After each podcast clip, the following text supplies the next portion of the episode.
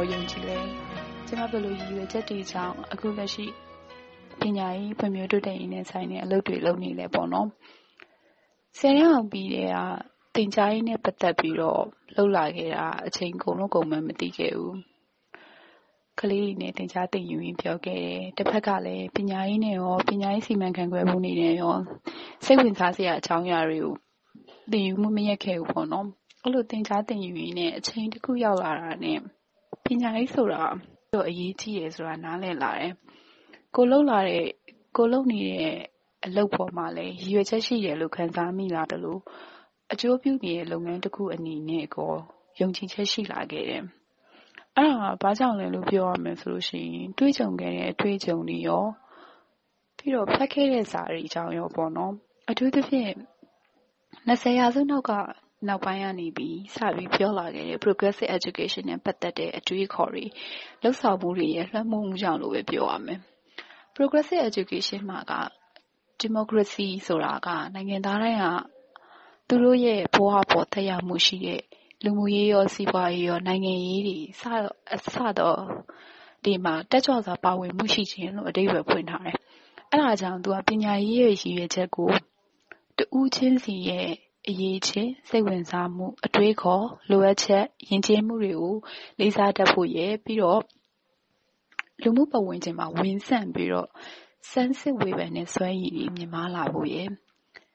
အားလုံးရဲ့အကျိုးအတွက်ကိုပေါ့နော် အတူတကွ တက်ကြွစွာလှုပ်ဆောင်မှုဆိုတဲ့ ရည်ရွယ်ချက်တွေနဲ့ ပညာရေးကို ကလေးဗဟုပြုပညာရေးဆိုပြီးတော့အတိတ်ပဲဖွင့်ဆိုခဲ့တယ်။အဲ့ဒီအတိတ်ပဲဖွင့်ဆိုမှုက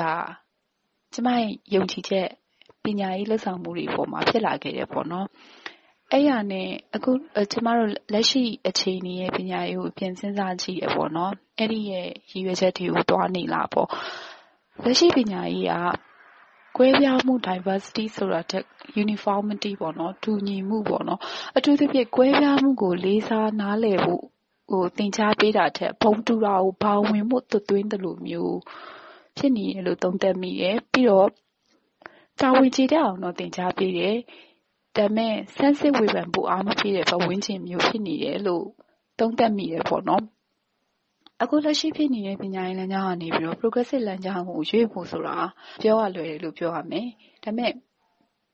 မဖြစ်နိုင်ဘူးလားလို့ပြောလို့ရှိရင်တော့မဖြစ်နိုင်ဘူးလို့ညင်းလို့မရနိုင်ဘူးပေါ့နော်။ဖြစ်နိုင်ဖို့ကျမတို့လုပ်နိုင်ရမယ်ပေါ့။အဲအကြောင်းပဲကျမပညာရေးဆိုင်ရာလုပ်ငန်းတွေကိုစပြီးတော့လုပ်ခဲ့တယ်ပေါ့နော်။ တင်ချာဒီတမအနေနဲ့ရော program တွေကို စီမံတဲ့သူတွေအနေနဲ့ရောတခြားတခြားသောပညာရေးဆိုင်ရာလုပ်တွေကိုစပြီးတော့လုပ်ခဲ့တယ်။အကျိုးဆုံးပြောရရင်တော့ကျမယုံကြည်တဲ့ပညာရေးဆိုတာလုံးဝရိုးရိုးလေးပါ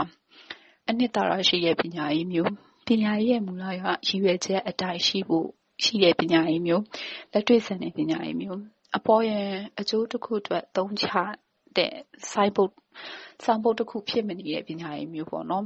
အဲ့ဒီပညာရေးမျိုးရဖို့အတွက်ရောကျွန်မလက်ရှိလုပ်နေတဲ့အလုပ်တွေကိုဆက်ပြီးတော့စူးစမ်းလုပ်သွားမှာပါအားလုံးကျေးဇူးတင်ပါတယ်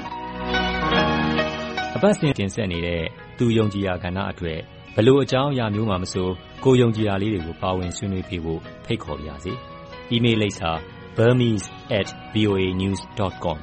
b u r m e s e @ v o a n e w s .com ကိုစာရေးပြီးဆက်သွယ်ရမယ့်တယ်လီဖုန်းနံပါတ်ကိုအကြောင်းကြားလိုက်ပါခင်ဗျာကျွန်တော်ပြန်ဆက်သွယ်ပါမယ်။